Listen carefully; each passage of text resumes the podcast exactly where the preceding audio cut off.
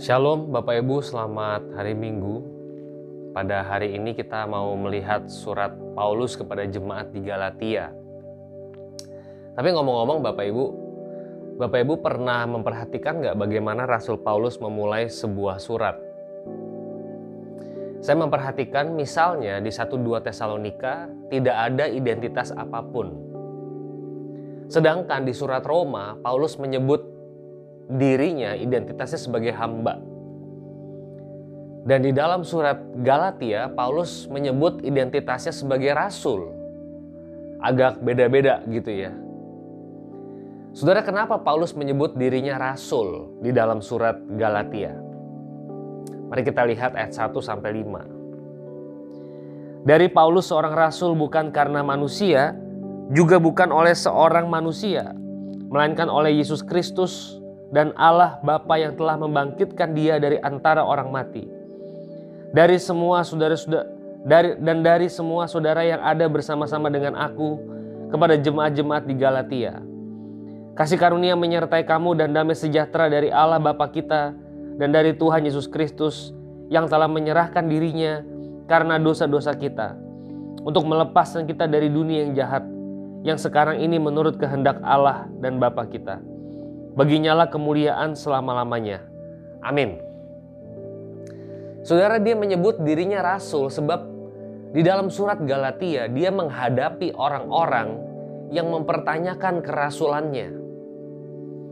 Dia menghadapi orang-orang yang menyebarkan Injil yang lain, nggak seperti yang pertama dia sebarkan.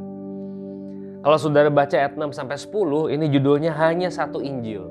Paulus menegur dengan keras mereka yang mengabarkan Injil yang lain. Bahkan kalau Paulus atau malaikat turun mengabarkan Injil yang lain, terkutuklah dia.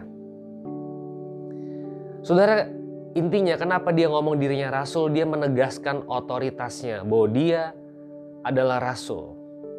Dia bukan hamba seperti di surat Roma, tapi dia adalah rasul yang sungguh-sungguh dipilih oleh Tuhan. Yang kedua, saudara, ini rasul-rasul dari mana? Paulus menegaskan bahwa dia rasul bukan dipilih oleh manusia. Bukan karena manusia, juga bukan oleh seorang manusia, melainkan oleh Yesus Kristus. Saudara, Paulus adalah rasul yang punya pengalaman pertemuan dengan Yesus dalam perjalanan ke Damaskus. Dia sungguh-sungguh rasul karena dipilih langsung oleh Tuhan. Yang menarik juga, Paulus ngomong begini nih, buat apa sih dia ngomong ini? Melainkan oleh Yesus Kristus dan Allah Bapa yang telah membangkitkan dia dari antara orang mati. Dia di bagian suratnya awal ini Galatia menegaskan bahwa Yesus bangkit dari antara orang mati. Dan dia tuh dipilih oleh Yesus yang kaya begitu. Itu berarti dia mau mengatakan bahwa dia berjumpa, dia bertemu dengan Yesus yang bangkit.